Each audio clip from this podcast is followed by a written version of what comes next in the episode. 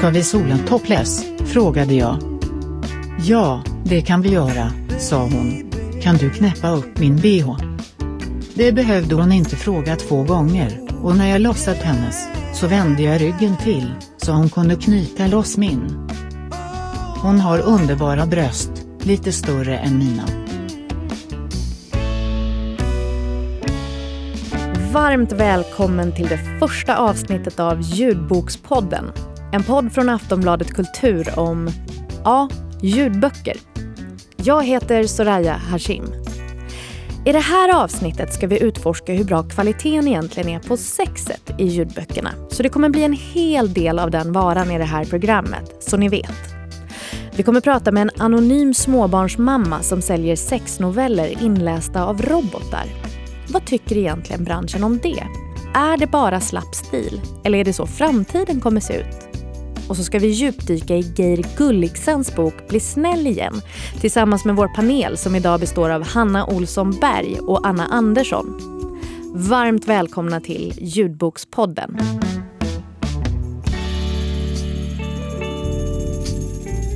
Du har hört den förr. Diskussionen om hur svårt det är att skildra sex i litteratur. Men vad händer när sexet lyfts från bladet och berättas rakt in i ditt öra? Blir det bättre då? Mer intimt? Eller gör den här förhöjningen av att någon säger orden rakt ut att det kommer för nära och kanske blir pinsamt och för mycket istället? Att läsa en bok är ju ingenting du kan göra samtidigt som du gör något annat. Det kräver fullt fokus. Om det plötsligt skulle dyka upp en het eller genant sexscen, visst, det kan bli obekvämt. Men oavsett om du lägger bort boken eller fortsätter att läsa så är det antagligen ingen som ser dig. Men att lyssna på en bok, det kan du ju göra var som helst. Så vad händer om den där heta scenen dyker upp vid fel tillfälle? Jaha, där står du på Ica med ändan i vädret och gräver i frysdisken efter fiskpinnar och ärtor. Och så plötsligt hör du hur Mr Grey långsamt drar ner trosorna på Anastasia i 50 nyanser av honom. Han betraktar mig ett ögonblick, som om han håller på att mäta min upphetsning. Plötsligt tar han tag i mig och vänder på mig. Jag blir alldeles överrumplad. Men eftersom mina händer är bundna är jag tvungen att stödja mig på armbågarna. Han trycker ner mina knän i sängen så att jag ligger med ändan i vädret och då klatschar han till mig hårt. Innan jag hinner reagera tränger han in i mig. Jag ropar högt av slaget men också av det plötsliga angreppet och det går för mig omedelbart, om och om igen. Jag är i fullständig upplösning medan han borrar sig in i mig på det ljuvligaste vis. Han slutar inte. Jag är helt färdig, står inte ut. Han fortsätter obarmhärtigt, om och om igen. Nej, det känns väl inte helt rätt. Men visst är det lite spännande?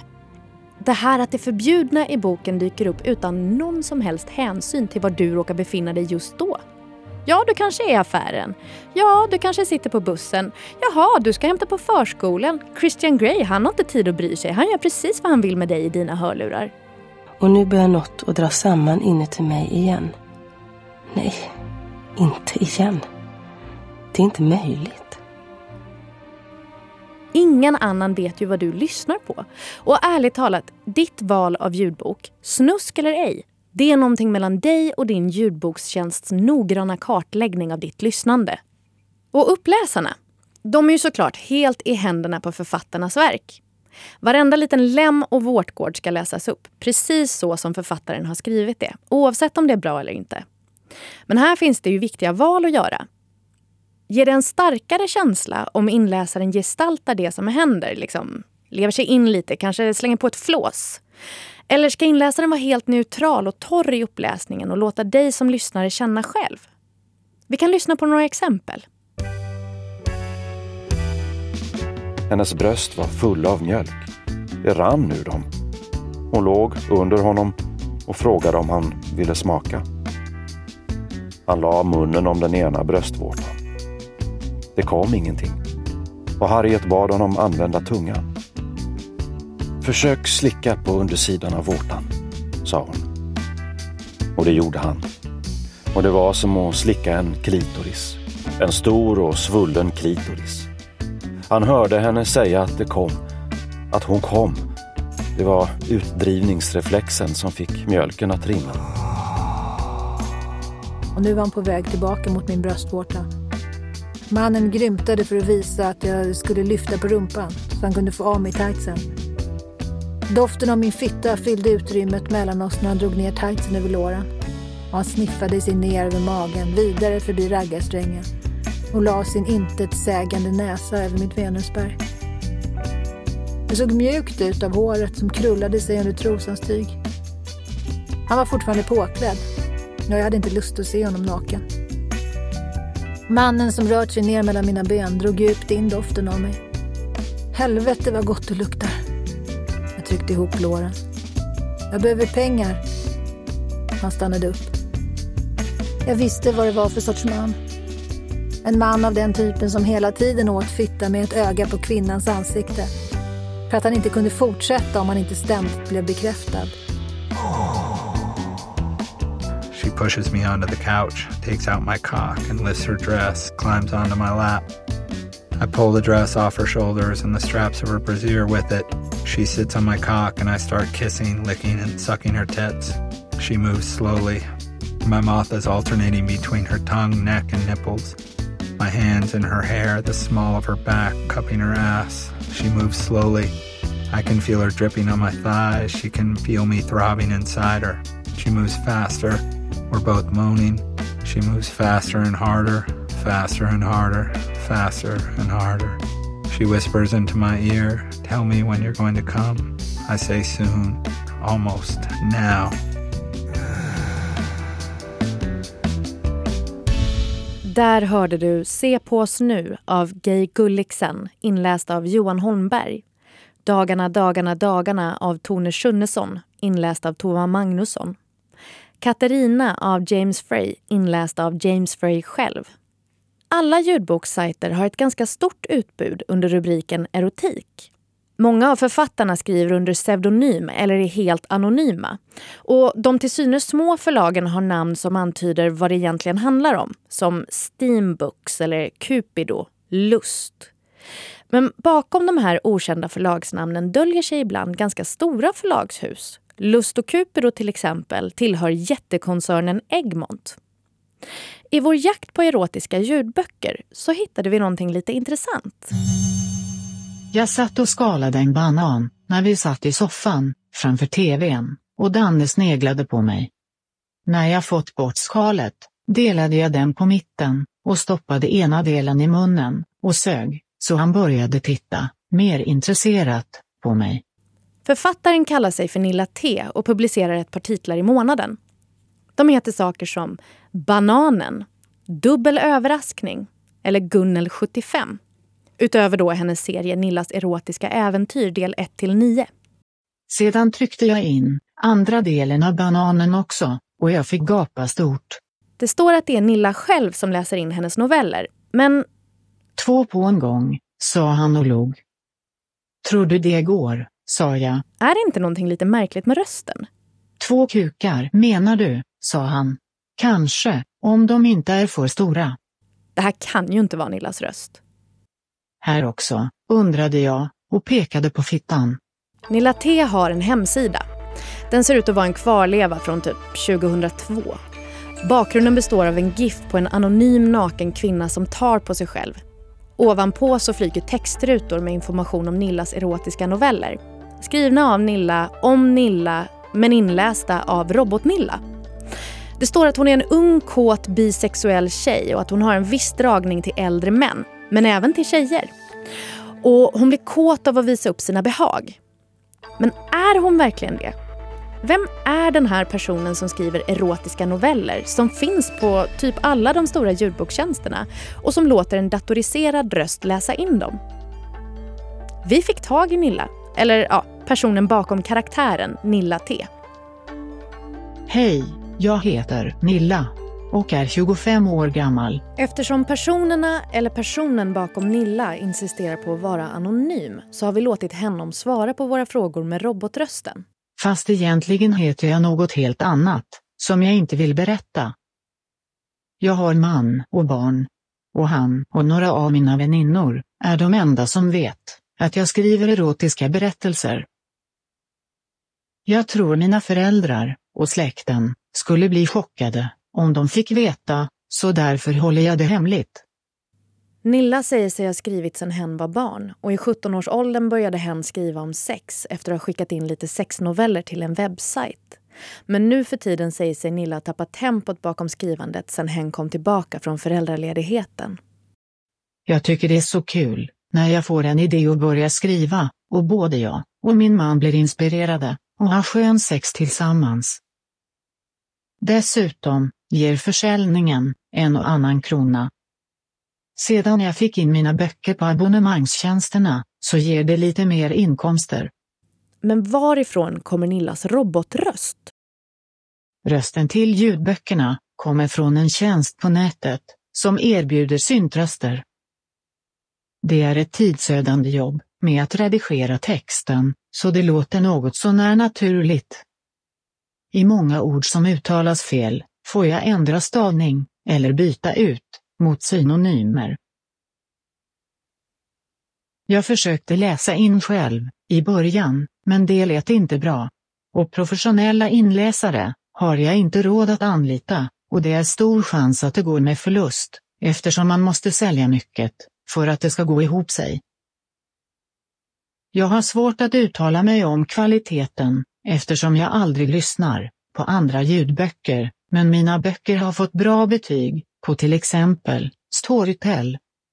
Många av mina ljudböcker har fått 5 av 5 i betyg. Andra, som använder den här tekniken, känner jag inte till, men det finns, säkert. Jag tror många gillar att läsa och lyssna på erotiska berättelser, fast de kanske inte erkänner det. Det viktigaste för att skriva sexigt är nog att ha en livlig fantasi och förstå vad folk vill läsa. Några tips på andra erotiska böcker har jag inte, eftersom jag aldrig läser eller lyssnar på några. Hoppas mina svar låter okej, okay, med syntetrösten. Ha en bra dag. Nilla. Tack Nilla. Ha en bra dag du med. Vilka skäl Nilla egentligen har till att vara anonym, det vet bara Nilla själv. Men frågan är, är det här bra lyssning? Och vet ljudbokstjänsterna att de har böcker som läses in med robotröst? För faktum är att Nillas noveller finns på Storytel, Nextory, Bookbeat och Bookmate. Åse Eriksson är Sverigechef på Storytel. Jag ringde upp henne för att kolla om de känner till det här. Nej, det gjorde jag faktiskt inte. Jag var tvungen att gå in och lyssna själv efter att jag hade fått frågan. Vad tyckte du? Alltså, det kanske inte riktigt eh, var den typen av uppläsning som fungerar för mig. Och det såg man lite på kommentarerna också ifrån de som hade lyssnat tidigare. Den, det var det kändes väldigt tydligt i just det här fallet att det var en robotröst. Men så är det ju inte alltid om man lyssnar på robotröster eller AI-röster. Det finns alltså fler böcker hos er som läses in med inte en mänsklig röst? Jag, jag har faktiskt inte hittat några fler exempel sen jag tittade igår. Men det betyder inte att det inte finns, men jag känner inte till det. Eh, vi är ju en distributör av ljudböcker så det är förlagen själva som väljer vilka röster som blir uppläsare, om det är en mänsklig eller om det är en AI-röst. Jag har inget annat exempel ifrån Storytel som jag har hittat. Mm. Men vad, vad, tycker du själv att det gör för upplevelsen av, eh, av boken när det är en robotröst som läser in? Jag kan säga generellt så finns det, det händer ju så otroligt mycket inom utvecklingen av eh, AI-röster och man kan ringa till telefonsupport ibland och knappt märka att det är en AI-röst. Så det är svårt att säga någonting generellt. Jag har ett exempel där jag knappt skulle kunna säga själv om det var en mänsklig röst eller om det var en robotröst. I det här fallet, just med Lilla T, så blev det väldigt tydligt när man lyssnade på betoningen och sådär. Men jag har samtidigt hört andra eh, exempel från andra branscher där det knappt går att urskilja att det inte är en mänsklig röst, där jag själv blir förvånad. Så det beror nog lite på um, kvaliteten, för det är ett område där det utvecklingen går så otroligt fort. Så att jag tror att vi kommer se fler exempel och kanske inte ens märka att det inte är en människa som har läst in boken som vi lyssnar på. Vet du, vet du om andra sajter använder robotröster också? Det vet jag faktiskt inte. I och med att det är förlagen själva som väljer ut om de har en mänsklig uppläsare eller en robotuppläsare. Jag skulle inte tro att det är så vanligt med robotuppläsare än. Men det är ingenting som jag känner till direkt om det finns eller inte. Mm. Vad, vad gör ni för typ av kvalitetssäkring av böckerna som ni har när ni tar in dem? Den kvalitetssäkring vi gör den är mycket mer rent eh, tekniskt. Eh, vi lyssnar i början av filen och i slutet av filen så att vi ser att den har laddats upp eh, korrekt, så att det finns start och slut.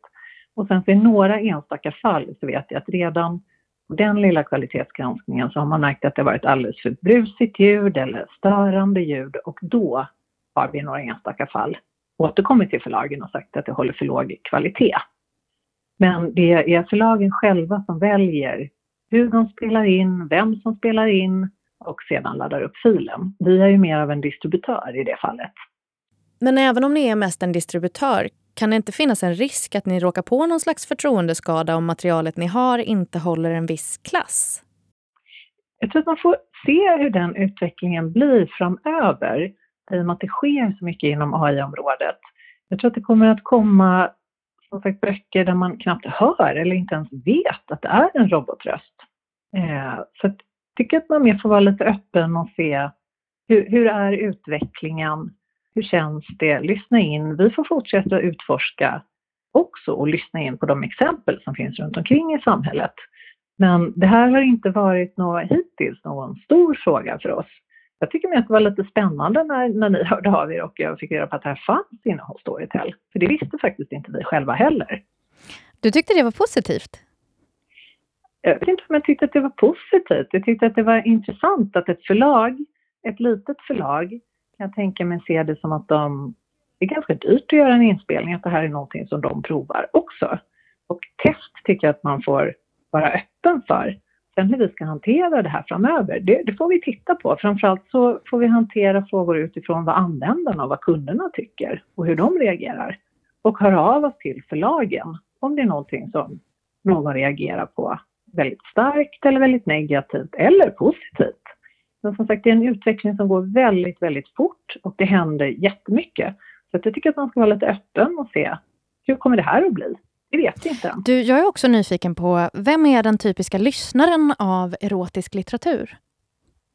Erotisk litteratur skulle jag säga främst är kvinnor. Eh, har ingen riktig ålder på det, men vi vet att det är kvinnor som är större konsumenter av erotisk litteratur. Eh, det är ingen jättestor kategori hos Storytel. Jag kollade upp här lite och den har legat ganska stadigt på plats 12 de senaste åren. Den åker varken ner eller åker varken upp Så det är en av våra mindre kategorier. I toppen så har vi ju som nästan varje år finns, hittar vi crime, thrillers, spänning, feel good, romance, eh, biografier, ganska lång lista där innan. Sen finns det väldigt små genrer. Men erotiken, liksom, den ligger på plats 12, det är ganska långt ner. Du, Åsa, tack så jättemycket. Eh... tack själv, det var spännande att lyssna. Jag, jag visste inte ens att jag fanns. Nej, jag tror mer att jag, liksom, lyssnar man runt lite, så jag har hört så otroligt många där man bara, är det en robotröst eller inte? Här var det väldigt uppenbart. Mm, ja, det var ju det. Hon blev rig.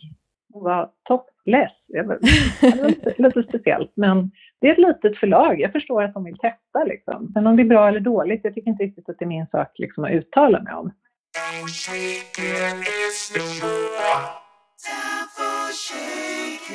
Ja, kanske blir det så att i framtiden så är massor av våra böcker inlästa av AI. Hörni, nu tar vi tag i veckans bok.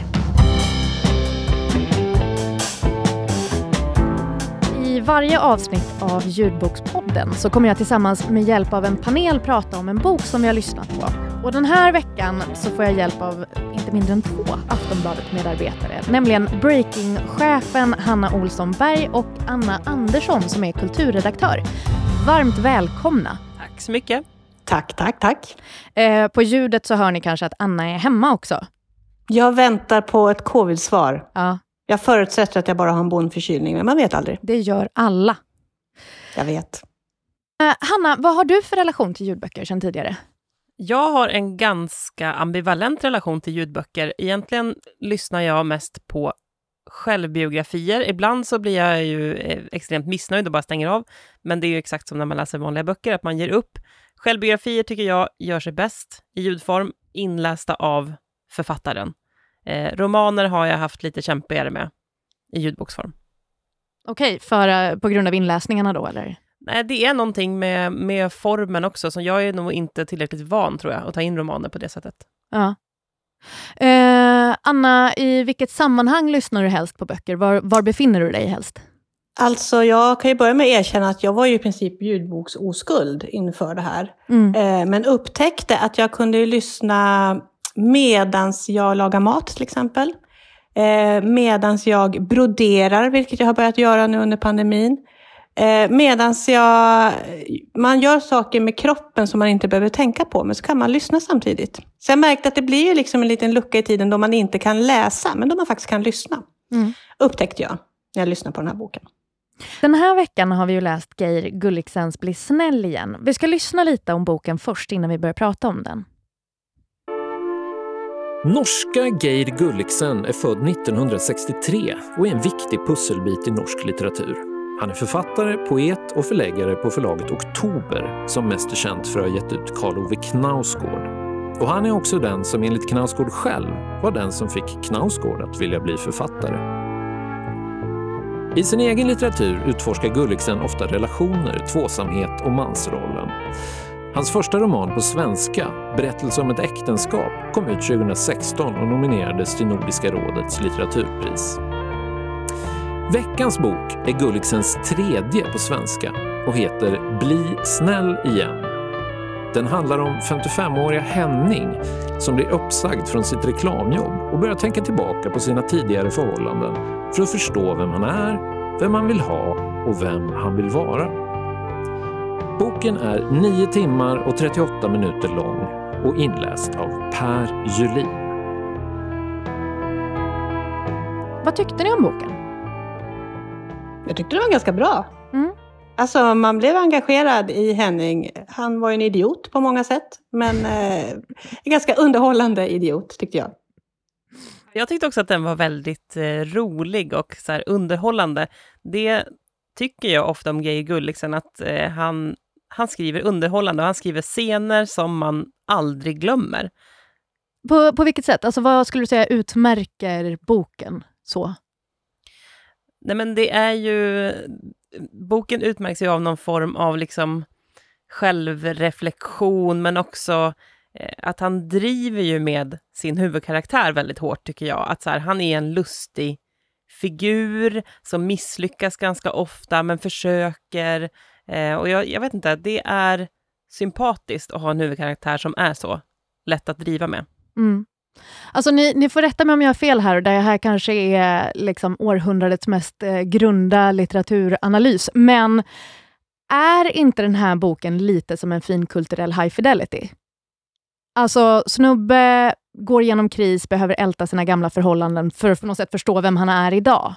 Ja, fast jag tycker att det finns ett lager till i det här. Därför att någonstans så, han, alltså jag, han tar ju spjärn emot sina gamla relationer som man får liksom upplistade. Sådär. Men någonstans så, upp, så handlar det ju om att han upptäcker sig själv. Eller snarare, han upptäcker ju att han saknar ju helt kärna. Det här är ju liksom en helt tom man som 55 år gammal inser att han Eh, ja, hans enda kompass i livet har väl varit hans kuk egentligen. Han har ju liksom gått från kvinna till kvinna eh, och bara gjort det han trott att andra vill ha, det han trott att han själv vill ha, utan att egentligen någonsin ta reda på vad han faktiskt vill ha, vem han faktiskt är. Mm. Det är väl det han hamnar i nu, eh, Han- sent han- omsider.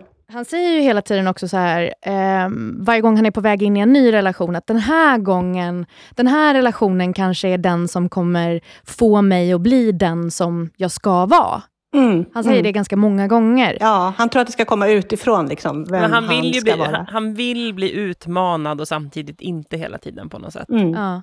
Och också att han hela tiden verkar tänka att han fogar sig efter dem han är tillsammans med. Att han är den som hela tiden låter dem få vara sig själva och han ska på något sätt vara någon form ja. kring dem. Ja, men exakt, han prövar ju liksom olika roller. Om någon säger, alltså det är ju, vi ska lyssna på en scen sen som är tidigt i boken när han har på sig en kostym. Det är väldigt typiskt. Han sätter på sig ett plagg eller en kostym som gör att han plötsligt uppfattas på ett annat sätt av andra människor. Och då tar han liksom till sig det på en gång. Mm. Det är då någonstans han, det är också, han, han testar ju om han möjligen är homosexuell, kommer han ju på, mm. liksom 55 år gammal. Det är för att han plötsligt har, blivit, har uppfattats av vissa som homosexuell. Och då tänker han, ja, jag kanske är det. Jag får väl testa. Ja, och så det, gör han det. Liksom. Det är så roligt med den här krisen som är, det säger man väl kanske om medelålderskrisen, men att den är väldigt tonårig på något sätt. Jag kanske är sån, jag kysste en man, jag kanske är gay, jag kanske har hela det här fantastiska livet framför mig. Eller eh, jag kanske ska vara den här fantastiska, alltså han skriver ju också mycket om sin papparoll i den här boken. Förutom att den handlar mycket om mansrollen och eh, könet och eh, sex, så handlar den ju också om relationen till hans döttrar som han har med två olika kvinnor eh, och hur han försöker förhålla sig där och vara, hur är man liksom en stark pappa och samtidigt en pappa som de vänder sig till och hur fogar man ihop de här familjerna? Eh, mm. Hur ska man ha en relation till sin exfru som gör att man inte är en dörrmatta och samtidigt är en modern man? Han utforskar ju alltid det här, den moderna mannen. Och han vill ju verkligen inte heller vara den här mannen som på något sätt eh, har en dålig relation till sina barn. För en sån Nej. man vill man ju inte vara. Så det liksom strävar han emot på något sätt, fast inser ju att han är det ändå. Ja, men precis. Och så också, han har de här bilderna av hur man ska vara, hur man ska vara en bra man, en bra partner, en bra pappa.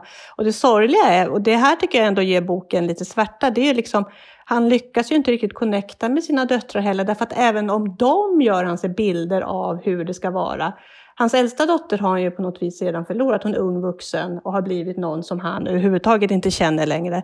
Och så har han då en yngre dotter som han väl fortfarande har en fungerande relation till. Men även med henne så gör han liksom fantasier om hur de ska umgås och hur de ska vara. Så det är jättesorgligt. Han tar liksom, samma sätt som man ser på sig själv ser han ju på sina barn. Och, och, vilket gör att han aldrig riktigt ser dem för vilka de faktiskt är. Utan han, liksom, hans bilder och fantasier står emellan hela tiden. Mm. Det är ju jättesorgligt, särskilt i relation till barnen.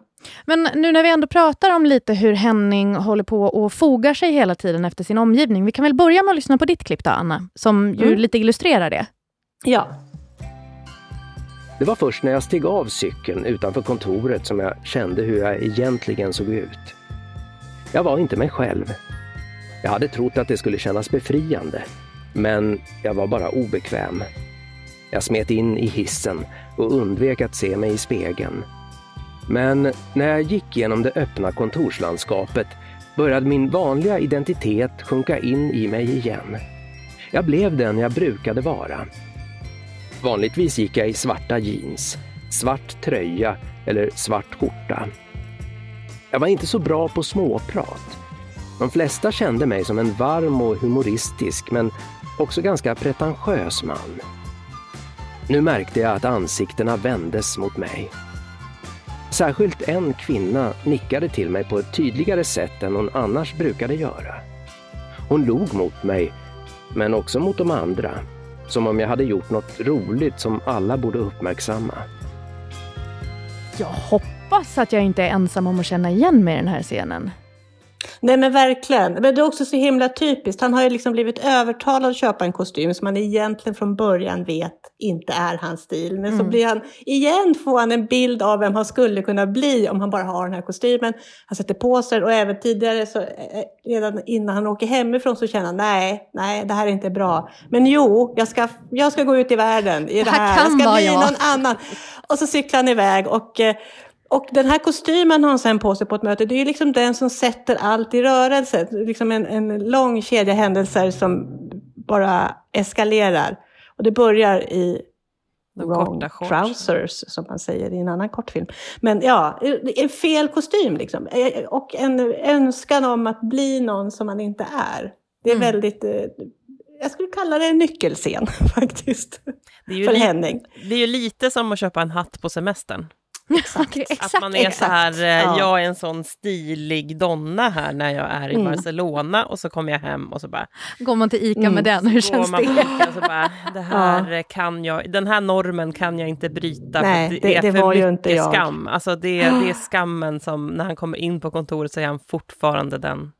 Ja, men det roliga är ju också att, att han får ju också nya blickar. Han ser sig plötsligt på ett nytt sätt. Och det tar han till sig så himla mycket och tänker att ja, men kanske är jag fortfarande en sån. Han är ju en otroligt jag-svag figur, Henning. Det får man ju ändå säga.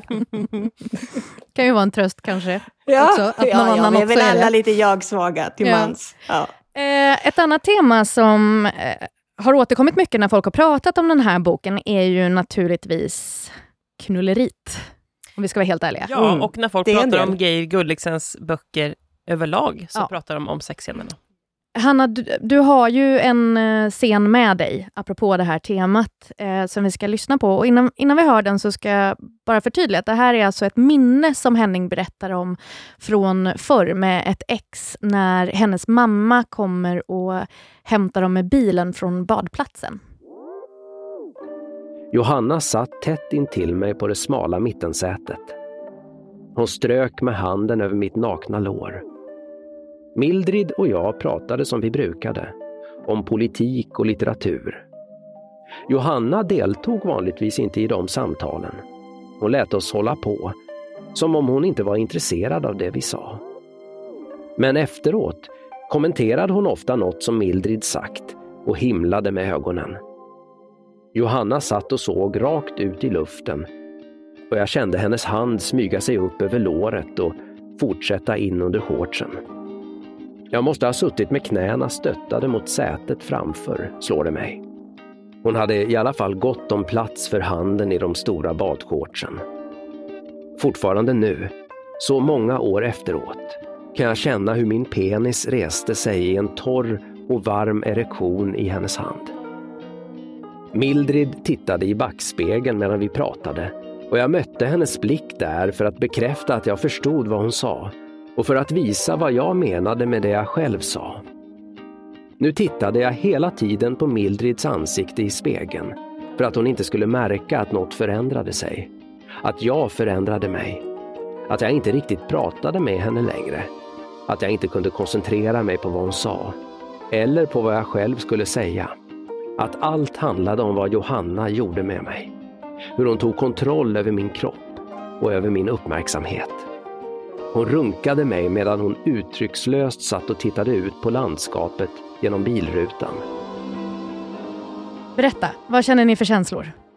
Jag tycker det är så spännande hur han skriver sexscener för att de är ju inte särskilt erotiska. Eh, och det är för att hans skam och hans liksom överjag alltid tittar ner och det blir så deppigt allting. Alltså, tittar man på sex på ett visst sätt så blir det ju deppigt. Tittar man på det så liksom instrumentellt eller, liksom den här tomma blicken, ja, jag satt upp med benen, Ja, könet alltså är han torrt, är- alltså, han är krass. Han är så deskriptiv hela Ja. tiden också. Alltså även sexscenerna är någon slags identitetsbygge. Även, han beskriver liksom både kvinnan och relationen. Länge har han ju bara sex med kvinnor, det kommer ju män också. Eh, som, som han liksom beskriver så otroligt torftigt. Alltså det är otroligt osexiga sexscener. Samtidigt som de ju har en funktion i boken. Så. Men det är ju inte någon one-hand reading, det kan man inte säga. Nej, verkligen inte. Men det som är bra med dem är ju att han använder dem för att beskriva sin karaktär. Alltså det är ju inte inslängt som så här, oh, nu ska det bli spännande för läsaren och, och få läsa lite göttigt sex, utan han, han använder det ju faktiskt som, Ja, verkligen. alltså som en riktig karaktärsbygge Ja. och storybygge. Och de är ganska svåra att glömma sen, de här sexscenerna. Kanske är det därför, för att om den hade varit het på riktigt och det hade varit one-hand reading, då kunde kanske läsaren glömma det sen. Men eftersom att den säger någonting och eftersom att de ofta är lite, lite konstiga eller lite Mm. mörka Lite eller lite avigt, deppiga, lite liksom. aviga. Ja. Eh, jag tänker också på, var det i hans förra bok, Se på oss nu, som han eh, eh, suger mjölk ur en kvinnas bröst, va? Ja, Alltså, precis. Vi har med man Som den, har mm. en, eh, som har en ung, ung kvinna, liksom. Den är ju också svår, på ett bröllop, den är ju också så svår att glömma den sexscenen. Och det finns ju sådana scener här också som man är så här, jag kommer inte bli av med den här när jag har läst den. Varsågod, det är bara Geir. Den sitter här. Men, men det tror jag var mer en sex, det kändes ju mer som att den var så här wow, wow, wow, sexfantasi, än vad det är i den här boken tycker jag att han använder sexscenerna mycket bättre. Jag har ju läst hans tidigare på svenska Mm. också. Men den här är, är klart bäst användande av sexscener. Mm. Men Hanna, du, du hade ju faktiskt innan du lyssnade på den här boken så hade du ju läst den också. Ja. Vad skulle du säga var skillnaden i upplevelsen av de här sexscenerna? Sexscenerna blir mycket deppigare när man hör dem i ljudform än när man läser dem på papper, tycker jag. Det blir så konkret när man liksom beskriver, man säger de här orden så lugnt som han gör. Hon tog min kuk, den var torr. Alltså det är så här, det, ja, det är någonting med det. Sen vill man ju absolut inte att någon ska läsa det med en med en spännande svängig röst heller, för det hade ju varit ännu obehagligare. Men det jag skulle säga är att jag tycker Per Julin gör ett bra jobb. Alltså genomgående en bra läsning och även sexscenerna. Det där som Hanna säger, han försöker verkligen inte spicea till det utan det, alltså det, det lirar med den väldigt här, äh, deskriptiva texten väldigt bra tycker jag. Han är en jättebra inläsning. Mm. Han, eh, per Julin är ju riktigt eh, rutinerad inläsare. Han har ju tidigare läst in en hel del eh, faktaböcker och eh, Shantaram, alltså den här Mhm. mega, Mm. mega tegelstenen i tre delar i ljudboksform av eh, Gregory David Roberts. Och det är alltså 40 timmars lyssning, över 40 timmars lyssning. Eh, hade ni hört honom förut? Eller Hanna, du har ju lyssnat på ljudböcker mer kanske? Mm, nej, jag har in, inte så att jag kommer ihåg det i alla fall. Nej. Jag, jag lyssnade lite på hans uppläsning av eh, var det Dick Harrisons bok om Jesus. Det funkade också jättebra tyckte jag. Men hur tycker ni han sköter sig som inläsare överlag i den här boken? Bra tycker jag. Sagt, nu har jag ju väldigt lite att jämföra med. Eh, men nej, men det, är, det är väldigt behagligt. Eh, Han kommer inte emellan mig och, och boken, liksom, utan jag tycker han är jättebra. Ja, det är väldigt så lugnt. Det är Ja. väldigt lugn eh, lyssning. Och vad tycker ni om Bli snäll igen eh, generellt som ljudbok? Alltså, Det är ju bra driv i storyn ändå. Jag tycker att den, den blir inte så långsam. Jag, det, det som kan vara tröskeln för att lyssna på en ljudbok är ju att eh, det är liksom nio, åtta, nio timmar man ska investera, men det är väldigt lätt att dela upp den. För att det, är, det handlar om en karaktär, det är inte komplicerat att komma ihåg mellan lyssningarna och det är ändå ganska bra tempo. Alltså det, Mm. de här relationerna staplas på varandra, det händer ganska förhållandevis mycket ändå. Mm. Det enda jag hade problem med, och och det kanske eller det ligger väl hos mig och min läggning, det är att det, det är ganska många namn, alltså särskilt i den andra delen när han går igenom då alla sina relationer från 15 års ålder och framåt. Och så lyssnar man på det och så tog jag en, en paus och så fortsatte jag lyssna dagen på. Och då var det lite så här, vänta nu, vem var hon? Mm, Vem var. Johanna? Vem var Ingun? Vem var, alltså sådär. äh, När, när jag inte hade sett namnen så blev det lite svårare. Sagt, det, det är många kvinnor som passerar revy i Hennings liv kan man säga. eh, skulle ni rekommendera den här lyssningen och i så fall till vem? Ja, det skulle jag nog göra. Alltså jag skulle rekommendera den till någon som vill ha, en, alltså det är ju en väldigt mycket en samtidsroman måste jag säga. Det handlar ju verkligen om människor i vår tid och det är väl ganska många intresserade av, tänker jag mig. Så att ja, absolut. Ja, och också för att jag tycker att det här är hans bästa roman på svenska hittills. Han får ihop delarna. Ibland kan jag uppleva att Geir Gulliksen vill vara en sån, Jag har en bild av en så här bråkig norsk kulturman. Alltså det, att man tänker väldigt mycket på Knausgård och man tänker mycket på eh, ja, men hans kritik mot det mesiga Sverige, cykloperna och, och det, att man känner det även i Geir, att så här, jag vill provocera, jag ska skriva om mansrollen och jag ska skriva om eh, ja, allt möjligt som kan uppröra folk. Fast jag tycker han gör det ganska ömsint. Men han gör det bra i den här boken. Ja. Men i de tidigare böckerna har jag känt att det har varit lite mer så här, agitatorn Geir finns där bakom, men det Mm. här är mycket bättre litteratur tycker jag. Mm. Hörni, Anna och Hanna, tack så jättemycket för att ni var med och bokcirklade här i ljudbokspodden. My pleasure, det var jätteroligt. Tack så mycket. Ljudbokspodden är slut för den här gången. Och vi som har gjort programmet är producent Martin Ågård. Panelen bestod av Anna Andersson och Hanna Olsson. Och jag heter Soraya Hashim. Ljudbokspodden är en podd från Aftonbladet Kultur. Vi hörs snart igen. Du har lyssnat på en podcast från Aftonbladet. Ansvarig utgivare är Lena K Samuelsson.